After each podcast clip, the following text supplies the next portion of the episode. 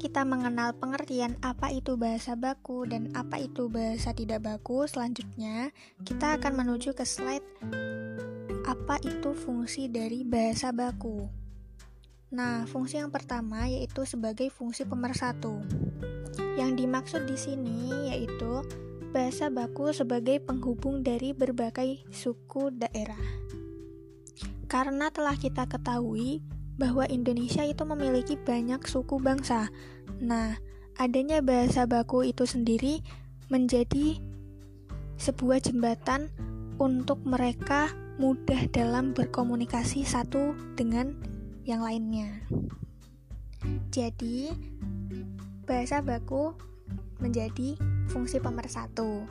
Sudah bisa dipahami. Selanjutnya, fungsi yang kedua yaitu sebagai fungsi pemberi kekhasan. Yang dimaksud dari pemberi kekhasan di sini adalah bahasa baku itu menjadi sebuah ciri dari suatu negara tersebut. Sudah paham ya? Ciri khas ciri khas dari suatu negara tersebut. Nah, selanjutnya fungsi yang ketiga yaitu fungsi pembawa kewibawaan. Nah, di poin ketiga ini kita akan bisa lihat ketika seseorang menggunakan penuturan bahasa baku, maka dia akan terlihat lebih berwibawa dari biasanya. Nah, percaya tidak percaya, hal ini adalah sebuah fakta. Kalau masih tidak percaya, coba bisa lihat di YouTube. Oke, paham ya? Selanjutnya, kita menuju ke poin terakhir, yaitu sebagai fungsi kerangka acuan. Yang dimaksud dari fungsi kerangka acuan di sini yaitu bahasa baku itu sebagai tolak ukur. Nah, dengan adanya tolak ukur dalam berbahasa, maka seseorang yang menggunakan bahasa baku akan lebih berhati-hati dalam memilah-milah kosakata yang baik untuk me, apa namanya? untuk membuat suatu kalimat. Tidak hanya digunakan untuk membuat sebuah kalimat, tapi memilah-memilah kosakata yang baik itu dapat digunakan untuk menyampaikan sebuah gagasan atau yang lainnya. Nah, empat poin tersebut adalah fungsi dari bahasa baku, teman-teman. Selanjutnya, kita akan menuju ke slide ciri-ciri bahasa baku. Nah, menurut Hasan Alwi dan kawan-kawan, ciri-ciri bahasa baku dibagi menjadi tiga, yaitu satu, memiliki sifat kemantapan dinamis, dua, memiliki sifat kecendekiaan, 3. Baku atau standar beranggapan adanya keseragaman. Mari kita kupas satu persatu poin tersebut. Yang pertama, memiliki sifat kemantapan dinamis. Yang dimaksud di sini adalah sifat kemantapan dinamis berupa kaidah dan aturan yang tetap.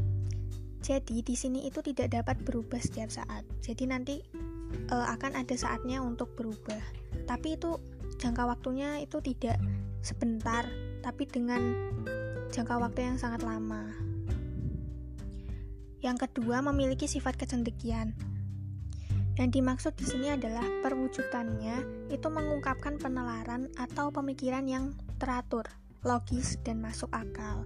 Nah, teratur logis dan masuk akal itu adalah ciri dari kecendekian. Orang cendekian.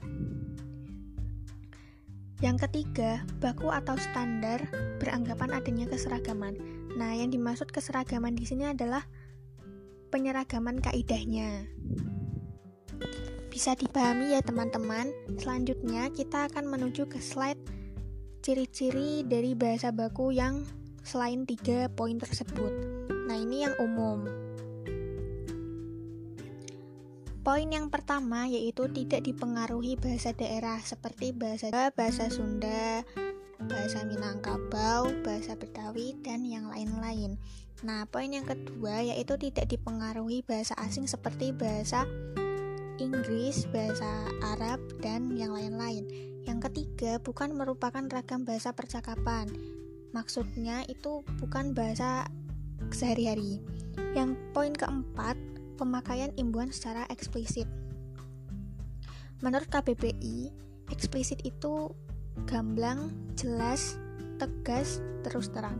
Jadi, pemakaian imbuhan secara eksplisit yaitu pemakaian imbuhan secara terus terang. Jadi, lebih langsung to the point. Poin yang kelima yaitu pemakaian yang sesuai dengan konteks kalimat. Jadi sesuai dengan SPOK-nya. Yang keenam, tidak mengandung makna ganda, tidak rancu.